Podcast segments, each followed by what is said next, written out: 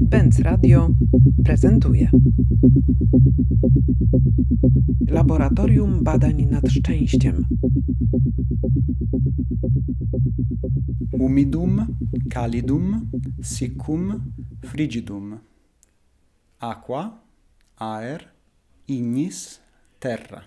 Simone De Jacobis, Grupa Projektowa Centrala. Gosia Kuciewicz, Grupa Projektowa Centrala. Na początek pytanie zasadnicze. Czym dla Was jest komfort? Jak go określacie? Stan takiej wygody, która nie wzbudza żadnej refleksji. To znaczy, to jest coś, czego właściwie się nie problematyzuje, nie zauważa, bo jest to taka sytuacja, w której jesteśmy wymoszczeni. Bo może łatwiej będzie do tego podejść przez definicję negatywną. Utrata komfortu, brak komfortu. Czym jest? We love to say that discomfort makes room for mindfulness. That goes together with what Gosha said, that staying in comfort means like a sort of like a mindless uh, way of living our daily life, not caring of what's going on around and how things work. And the moment we open ourselves to the concept of discomfort may help us in uh, analyzing what what actually generates our comfort and uh, what we can negotiate outside of it or on, on the border of it or generally how well-being is structured. Architektura nie jest taką e, powłoką, która nas wycina ze zjawisk e, przyrodniczych, a to bardzo często się kojarzy ludziom z jakimś wyzwaniem. To znaczy to sprzężenie z porami roku albo ekspozycja na warunki atmosferyczne to jest coś, co zawsze w kontekście architektury jest e, opowiadane jako to coś, z czego ta architektura nas wydziela.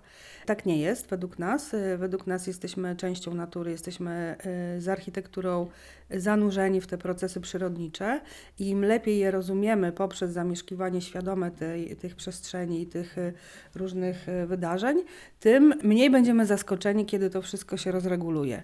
Więc ta praca na dyskomforcie zawsze była w naszym wydaniu połączona z jakimś takim projektowaniem pewnego rodzaju powszechnie rozumianej niewygody, która właśnie pozwalała na świadome uczestniczenie w metabolizmie planety. Jedną z definicji architektury jest właśnie to odcięcie od świata przyrodniczego. Stworzenie komfortu dla człowieka poprzez odgrodzenie go od niewygód, które powoduje zimno, deszcz, wszystkie te zjawiska atmosferyczne i przyrodnicze, które dla człowieka są zagrożeniem. No a wy tu rozszczelniacie tę definicję poprzez, e, tak jak powiedziałaś, wskazanie, że ta granica nie powinna, a nawet nie może być aż tak radykalna. Actually, the granica, the, the border, the edge, the elevation, the separation between uh, what is outdoor and indoor is actually this crucial uh, sort of like device for interdependence. In fact, what's happening indoor and what's happening outdoor is constantly in dialogue and it's interrelated. Uh, the outside climatic condition influence the microclimate inside building as well as the microclimate that we generate artificially actively or passively inside buildings influences what's happening outside so therefore like this uh, concept that architecture is like a, just an envelope is just uh, false it's just not it's not true so, in the moment when we are analyzing urban microclimates, we always have to consider these inter- interdependencies, and this is what we are trying very hard to uh, get a grasp on and to kind of like slowly get acquainted with the possibilities of uh, anticipating in a way of like designing it in a way or I wouldn't say actually controlling it, but uh, in a way understanding it at least. A gdybyśmy się tak zastanowili nad listą tego, co daje nam minimum komfortu, co byście na tej liście, co byście na tej liście umieścili? Przewidywalność. To jest chyba teraz coś, y, co bardzo rośnie w swojej wartości, że y, jakiekolwiek warunki, y, czy mniej luksusowe, czy bardziej, ale to, co jest najważniejsze, to jakby świadomość, że tak będzie w kolejnych dniach, w kolejnych tygodniach czy miesiącach ta przewidywalność. Nawet jeżeli to są jakieś e, przestrzenie mniej wygodne, to i tak już wydaje się wielkim komfortem e, ta świadomość, że nic się nie zmieni na gorzej.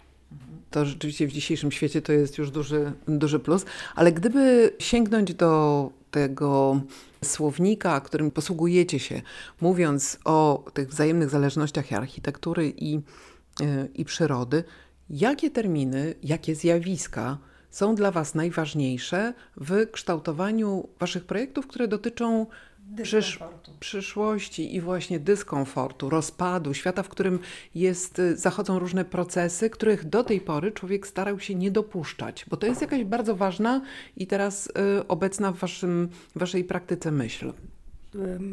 Zaczęło się od domu, w którym otwiera się dach. Przez to wszystkie y, istoty zamieszkujące powietrze mogą współdzielić z nami przestrzeń, czyli na przykład insekty. I okazuje się- że to jest taki temat bardzo mało wygodny dla ludzi, że to jest taka, to jest właśnie to odcięcie, którego potrzebują. Y, Jakby ta nadkontrola przestrzeni, do której nie mają dostępu inne byty, że nagle nikt nie zacznie fruwać nam wokół głowy albo brzęczeć. Więc to jest taka niewygoda, z którą my staramy się pracować i pokazywać, że y, byłoby dobrze otworzyć się na takie doświadczenia, na przykład podczas letniego y, wieczoru, że można siedzieć na kanapie i jednak y, postrzegać ten kontakt z owadami jako pewnego rodzaju przywilej, bo ich zaczyna brakować, one zanikają.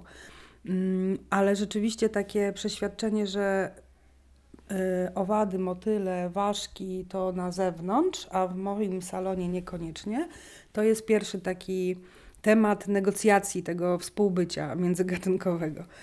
Kolejne tematy to są związane z chronobiologią, czyli z takim sprzężeniem naszego ciała, jego odczuwania porannego chłodu czy popołudniowego mm, przegrzania mm, jakby z cyklem dobowym, czyli na ile ten dom rzeczywiście ma być y, tak przeizolowany, żebyśmy nie doświadczali tych wahań temperatur w ciągu dnia, a na ile też byłoby dobrze właśnie budzić się, bo jest trochę chłodniej, albo y, rozumieć, że już czekamy na ten y, poranny, y, znaczy wieczorny zmierzch po to, żeby właśnie, żeby, żeby było chłodniej.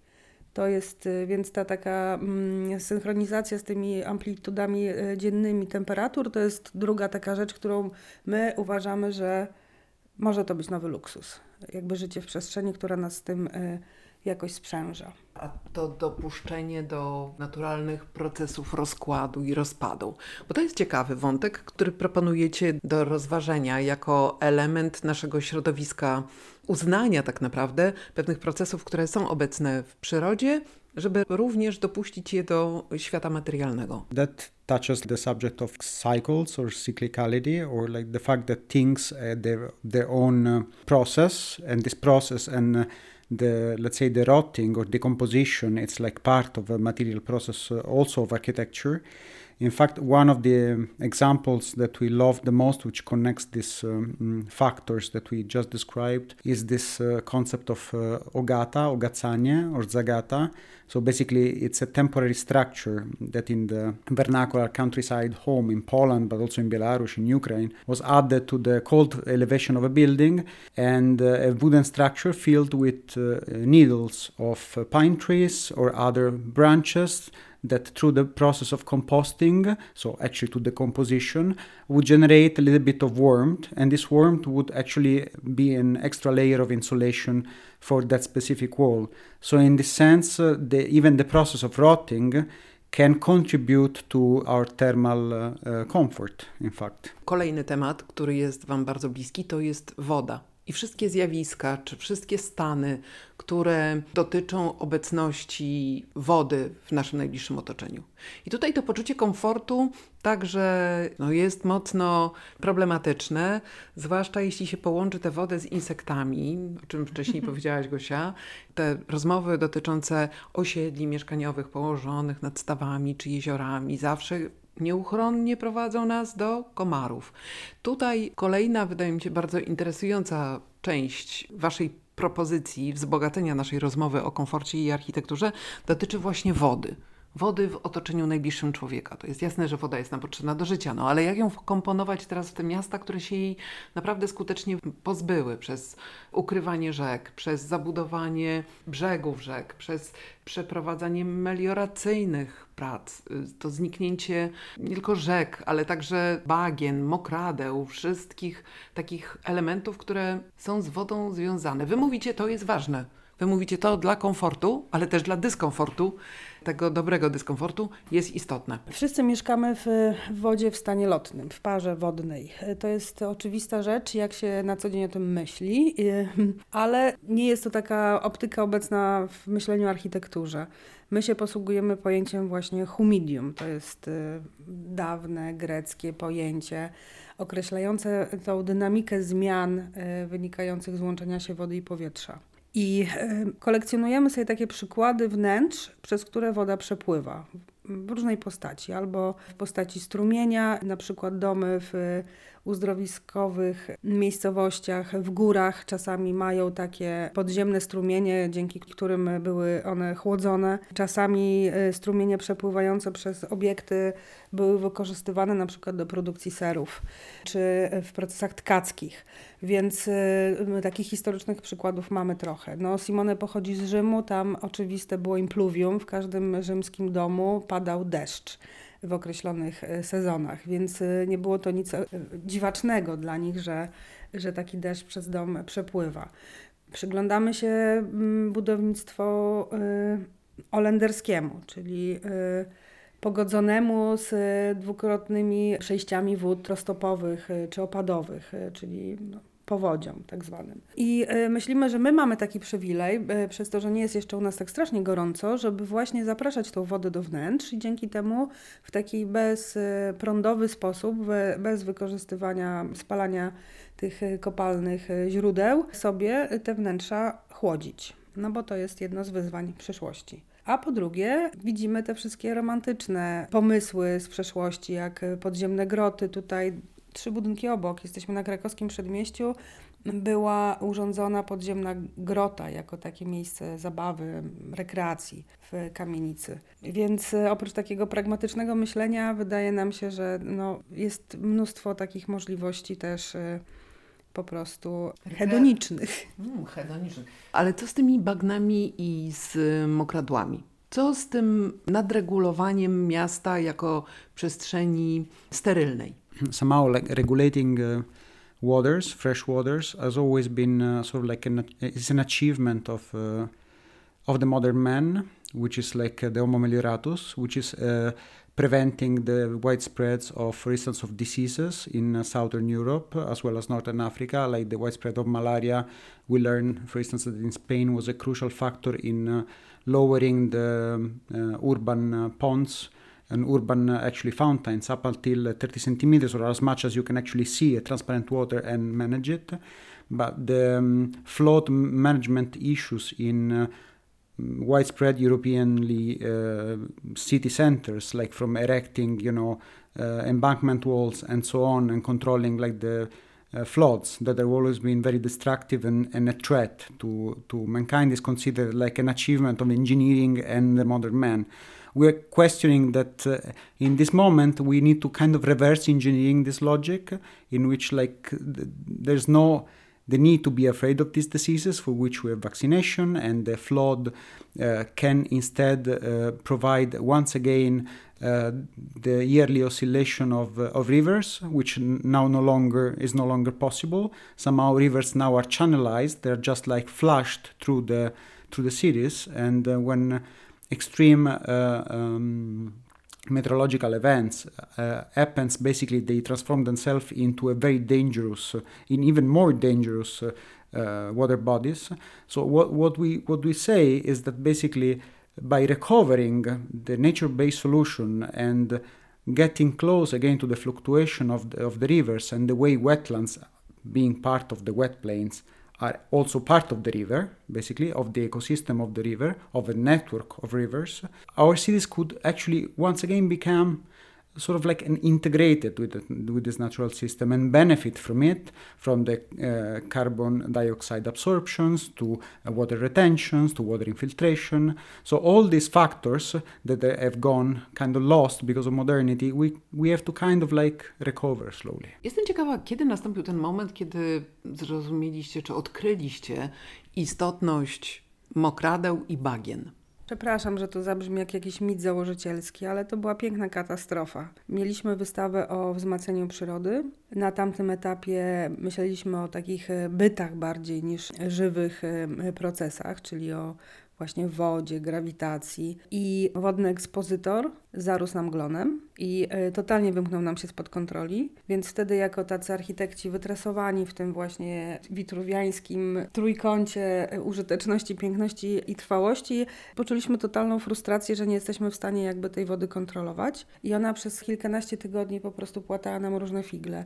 I tak y, zrozumieliśmy, że tutaj jakby ani chemią, ani prądem, ani jakąś inżynierią się nie da z nią wynegocjować lepszego estetycznego jakby efektu, więc zaczęliśmy się rozglądać za takimi naturalnymi sposobami czyszczenia wody, a raczej na temat partnerów, którzy czyszczą tą wodę, czyli na temat ekosystemów, które po prostu powodują, że woda w przyrodzie jest czysta. I zaczęło się właśnie od roślin wodnych, e, takich jakichś pojedynczych, jakichś nawet e, rozpoznań w kierunku akwariów. No a potem to już poszło, bo zrozumieliśmy, że ten problem to nie dotyczy naszego małego bajorka, ale no generalnie całej hydrografii na przykład Warszawy, że, że jakby tutaj tracimy w błyskawicznym tempie te wszystkie wilgotne tereny, a jak poznaliśmy już przyrodników i zrozumieliśmy, jak e, e, cenne to są środowiska, no to już e, no, zaczęliśmy kazania. O. Spotykamy się w Waszej pracowni. Tutaj przed Wami leżą rozmaite publikacje, zwłaszcza dwie książki,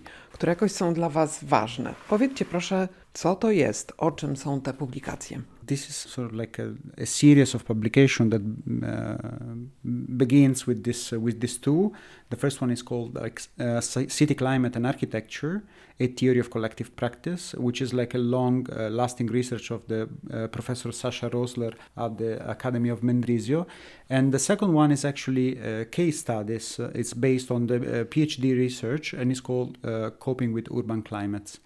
And those books they try kind of to to trace a sort of like a history of, uh, of architecture and urban design from the point of view of climate, in a sense. And uh, theories are quite relevant uh, to nowadays because it allow us to actually understand where the cities which we live in, why they look like, how they look, and that this transformation they were not like maybe the outcome of uh, just politics or sociological changes or simply uh, typologies or economical needs, but uh, how climate climatologists and architects were kind of like an urbanist were kind of trying to improve the living conditions are as the phenomena were appearing, as the climate was changing because of the industry, as the uh, society was evolving, as a kind of health was, uh, the concept of health was developing. So, in a sense, he's trying to trace kind of a different strands. It's like kind of a detouring from the traditional history of architecture as we know it to kind of read it from a different angle. To, co jest e, dla nas wielką inspiracją, to, jest, e, to są różne terminy, które są wprowadzane przez ten zespół odpowiedzialny za te publikacje. Takim kluczowym terminem jest ład cieplny, czyli thermal governance, który właśnie daje nam tą optykę na przepływy powietrza i ciepła przez na przykład miasto. I taki mit właśnie wyłączania wnętrz, czyli budowania obiektów architektonicznych, które e, kształtują takie wygodne bąble, czy wręcz komfortowe bąble w, w kontekście tych miejskich zjawisk, doprowadziło nas do tego, że no, 10% emisji jest za to odpowiedzialne. 10% emisji jest y, tłoczone do atmosfery, dlatego że sobie chłodzimy albo grzewamy wnętrza. I ym, zespół Saszy Rozlera opowiada o tym, że nie możemy tak myśleć y, w kategoriach wnętrza-zewnętrza, bo to jest na tyle sprzężone, że nasz komfort we wnętrzach będzie odpowiedzialny za dyskomfort wielu na zewnątrz. Nie tylko na, w odległych jakichś y, miejscach geograficznych, ale nawet w bezpośrednim sąsiedztwie. Po prostu klimatyzator, który chłodzi wnętrze, wyziewami podgrzewa miejsca sąsiednie. I musimy zacząć to widzieć, tak jak wcześniej mm, nie dostrzegaliśmy światła, które tworzyło zanieczyszczenie świetlne, czy nawet smogu. Tak? Nie, nie, nie rozmawialiśmy o smogu jako o czymś, co było niewidoczne.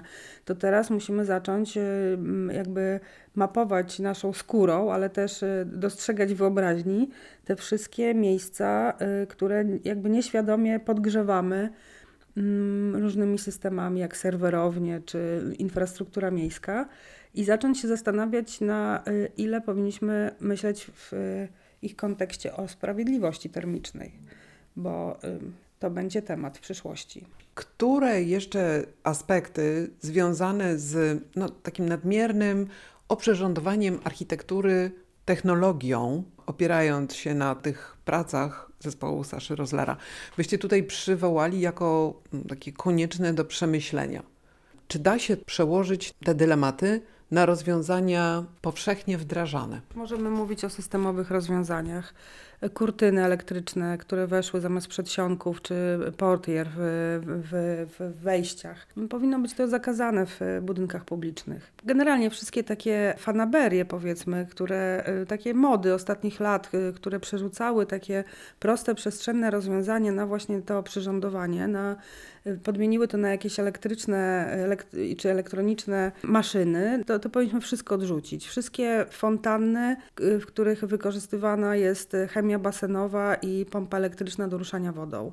To powinno wrócić do takich naturalnych rozwiązań, że tam po prostu roślinność wodna powinna tą, tą, tą wodę czyścić i y, generalnie powinniśmy odpiąć od prądu naszą zieleń. My z Simone żartujemy, że mamy pewnie na Ojomie mnóstwo drzew budowanych w place, ogrodów na bibliotekach czy trawników nad parkingami podziemnymi i nawet nie wiemy, jak one szybko uschną, gdy będziemy ograniczać zużycie energii. Więc na pewno takie systemowe rozwiązania, pokazanie, że y, y, doszliśmy do absurdów y, w, w tych naszych nawykach, no to jest jedna rzecz. A druga rzecz to jest patrzenie też na nasze wspólne zasoby. I tutaj przywołujemy zabytki które niepotrzebnie zelektryfikowaliśmy, ale mamy budynki, które mają grube e, mury o dużej bezwładności termicznej i byłoby dobrze właśnie rozumieć, że to, to są nasze wspólne przestrzenie, w których możemy niektóre miejskie aktywności do nich możemy przenieść e, w, w tych upałach. Możemy myśleć o powinnościach, że jeżeli ktoś już ma ten system klimatyzacji, jak archiwum lub muzeum, e, i podtrzymuje to nie tylko tą rzeczywistość naszą, ale też no, te rzeczy, które mają przetrwać dla kolejnych pokoleń, to może też powinniśmy współdzielić te mikroklimaty z tymi z tymi kolekcjami i, e, i tam właśnie te osoby najbardziej jakby narażone na, na, na te ekstrema, czy najbardziej termicznie wykluczone, może po prostu mogłyby tam bytować. Więc e, tu nie tylko chodzi o jakieś malutkie, eksperymentalne projekciki czy jakieś artystyczne rozważania, ale widzimy, że jak się przyjmie tą optykę tego, tej sprawiedliwości termicznej, to się coraz więcej widzi właśnie tych absurdalnych e, e, sytuacji. Uważam, że kabriolet, w którym można używać klimatyzacji przy otwartym dachu, powinien być bardzo wysoko opodatkowany. Beside all the, um, the regulations that Gosha mentioned that could be really structural, I could add also that uh, when it comes to uh, let electricity consumption, we can definitely switch off uh, large buildings uh, where electricity is used just for decorations during the night.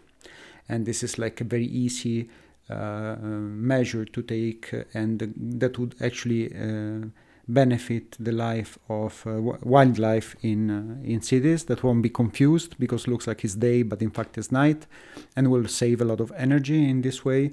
But i think um, one very interesting uh, subject that we are just trying to grasp now with working together with Sasha is a little bit like the political aspect of uh, the access to central heating systems that is not often in cities granted to uh, the people which are mostly in need of that. So there is like plenty of communal housing for which there is a, fight uh, for obtaining the rights to uh, be connected to the central heating system. And on top of that, how much a central heating system in cities can be protected from dysfunctioning. So we, we, we're seeing that now in Ukraine there's like uh, an issue of like uh, energy poverty. And, um, and this is because there is a central heating system. Can we decentralize the, the central heating system or make it uh, uh structurally uh, more resilient to external factors.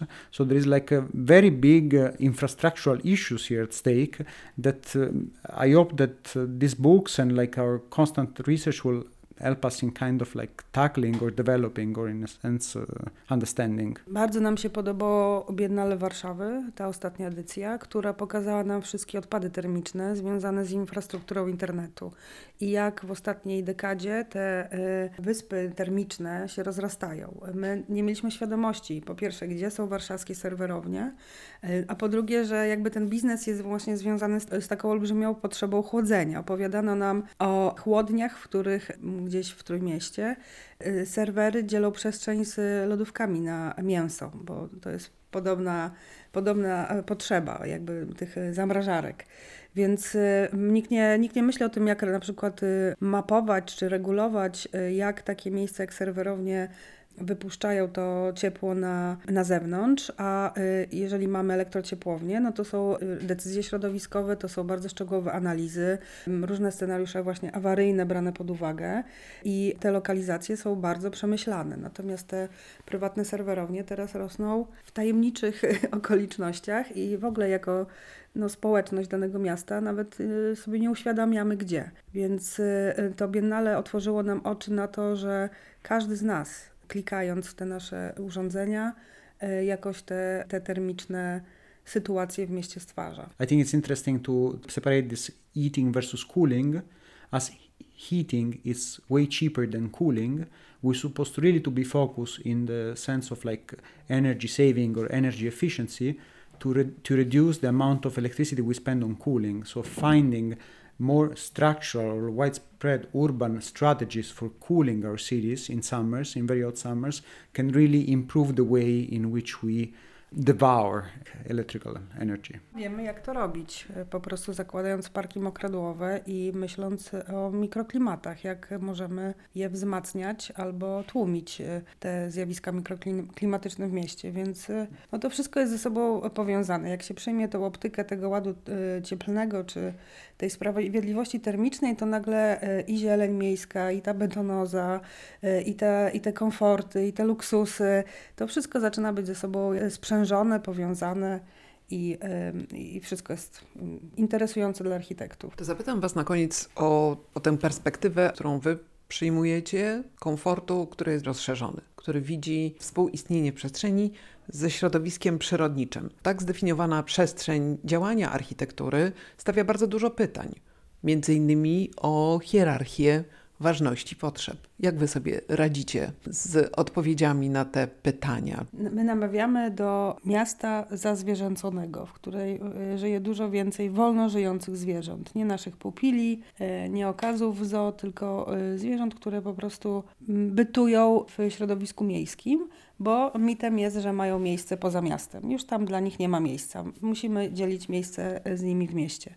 I nasz brak obycia, nie tylko właśnie z procesami przyrodniczymi, ale przede wszystkim z nie ludźmi, y, jest takim tematem, w których najwięcej odczytujemy napięć. Najwięcej właśnie osób deklaruje niechęć, to, to poczucie dyskomfortu, jak opowiadamy im o tych scenariuszach, że będą mijać bobra albo y, jakieś y, nawet drapieżne zwierzę w dużej odległości. I tutaj właśnie wchodzi też ta insektofobia, wchodzi też y, takie zjawisko jak bambinizacja, czyli jak postrzegamy zwierzęta w związku z, ze wszystkimi tekstami kultury, z, jakby z tymi naszymi doświadczeniami z dzieciństwa. I w, to, to jest dla nas chyba taki temat najbardziej przekładający się na możliwości w architekturze. Wiem, że to wszystko jest jakby brzmi skomplikowanie, ale jeżeli weźmiemy na przykład naturalne materiały, które wracają do łask, jak glina, ona świetnie przyjmuje zewnętrznych mieszkańców. W sensie tam sobie owady, ptaki wydziobują jamki i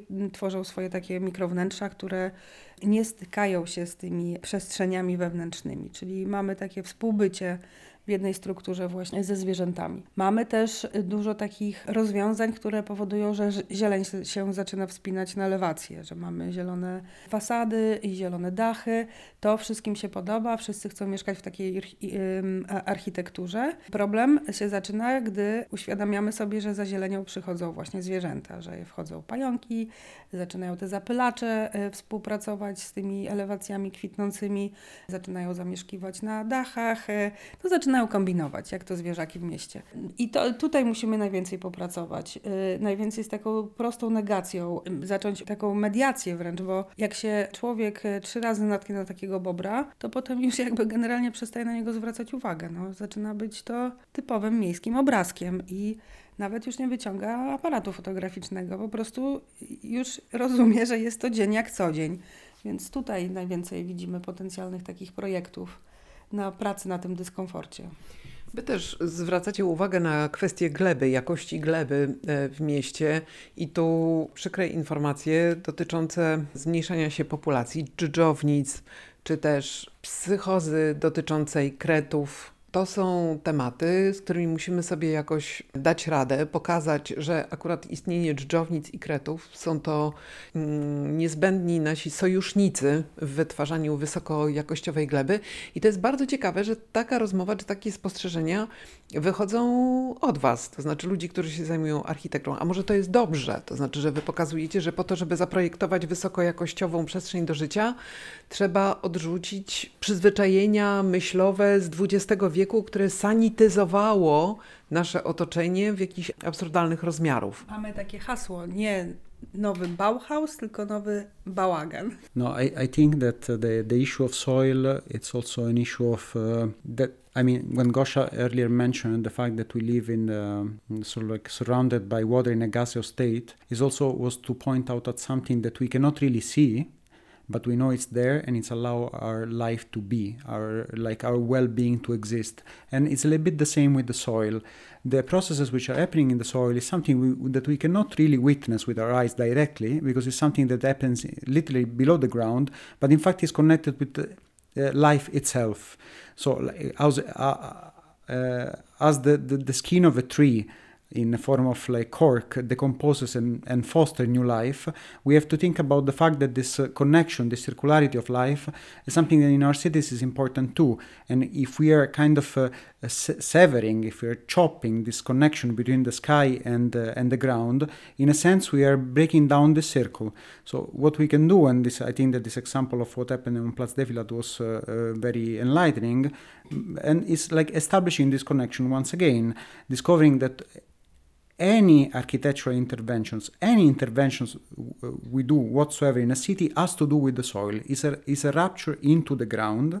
So therefore, this ground needs to be acknowledged uh, evaluated the, the, the worms operating, the quality of the soil we use, the, the possibilities of the water to penetrate the soil the, and, uh, and to fertilize it. Sensibility to the soil in, in cities is coming from our readings, from uh, reading Bernardo Secchi, but as well from the research we did uh, on the subject of reconstruction of Warsaw and Alina Scholz and how it was important to think of rebuilding the landscape of a city, the greenery of a city. So somehow, when you're re- rebuilding a city from its own ashes, you just don't think about the materiality of architecture. But in thinking about the materiality of architecture, you need to consider the soil on which this architecture lays, and the parks, and the trees, and the lakes, and everything that comes to, to it, and the animals will follow as our uh, uh, consultants, friends, uh, uh, biologists tell us, like just put nature and animals will arrive. Dziękuję Wam bardzo za tę rozmowę, z której jasno wynika, że nowa definicja komfortu jest nam potrzebna. Zmieszanie różnych porządków. Nowy europejski bałagan, nowy bałagan w przestrzeni, Powiedzcie proszę, co planujecie na ten rok? Pogodowanie, czyli weathering, to jest taki temat, który teraz nas e, magnetyzuje. On jest związany też właśnie z wysoko przetworzonymi materiałami w architekturze. Widzimy, że to jest też jakiś ślepy zaułek, że powrót do takiej naturalności materiałów może spowoduje, że to nie będą e, wiecznie nowe, na przykład fasady, ale że one pozwolą e, tej sukcesji przyrodniczej szybciej potem po nas po naszym czasie, w tej, w tej perspektywie geologicznej, szybciej to wszystko obrobić, szybciej to przemetabolizować, bo to też jest y, duży ślad architektury, właśnie ta, ta trwałość tego wszystkiego, ten mit y, wieczności. Więc pogodowanie, czyli jak można kształtować y, powierzchnie architektoniczne, żeby one naturalnie zapisywały upływ czasu, Y, rozszczelniały się, nie wiem, pękały, przyjmowały to, co przychodzi naturalnie z wiatrem i deszczem, te, te właśnie drobinki y, organiczne, które potem stają się pożywką większym organizmom i nagle pojawia się, w, nie wiem, krzaczek w szczelinie czy mechę na, na, na jakiejś fasadzie. To nas teraz bardzo fascynuje, bo oglądamy takie przykłady zaprojektowane, działania zamierzone y, mistrzów architektury, Carlos Carpy na przykład, którzy myśleli w takich kategoriach, jakich betonowe dzieła będą, będą patynować i z czasem y, się rozkładać. Więc to jest taki temat dla nas bardzo ważny i też y, dla wielu niewygodny, bo ten mit y, wiecznej trwałości w architekturze też jest bardzo obecny. To życzę Wam powodzenia ze wszystkimi tematami, a to zmieszanie komfortu i dyskomfortu jest jednym z takich chyba najważniejszych wyzwań, które przed nami stoją. Dzięki wielkie za rozmowę. Dzięki. Dzięki. Nagranie powstało jako część Laboratorium Badań nad Szczęściem, projektu o charakterze artystyczno-badawczym sieciującego środowisko sztuki, nauki, designu, technologii i przedsiębiorczości. Projekt Instytutu Goethego, Fundacji Będzmiana oraz Centrum Sztuki i Urbanistyki CKU z Berlina realizowany jest we współpracy z Akademią Sztuk Pięknych Katowice, Galerią Design BWA Wrocław, Instytutem Kultury Miejskiej w Gdańsku, Stowarzyszeniem Media Design ze Szczecina oraz Galerią Arsenał w Białymstoku przy wsparciu Miasta Stołecznego Warszawa, Fundacji Współpracy Polsko-Niemieckiej oraz Fundacji imienia Heinricha Bella.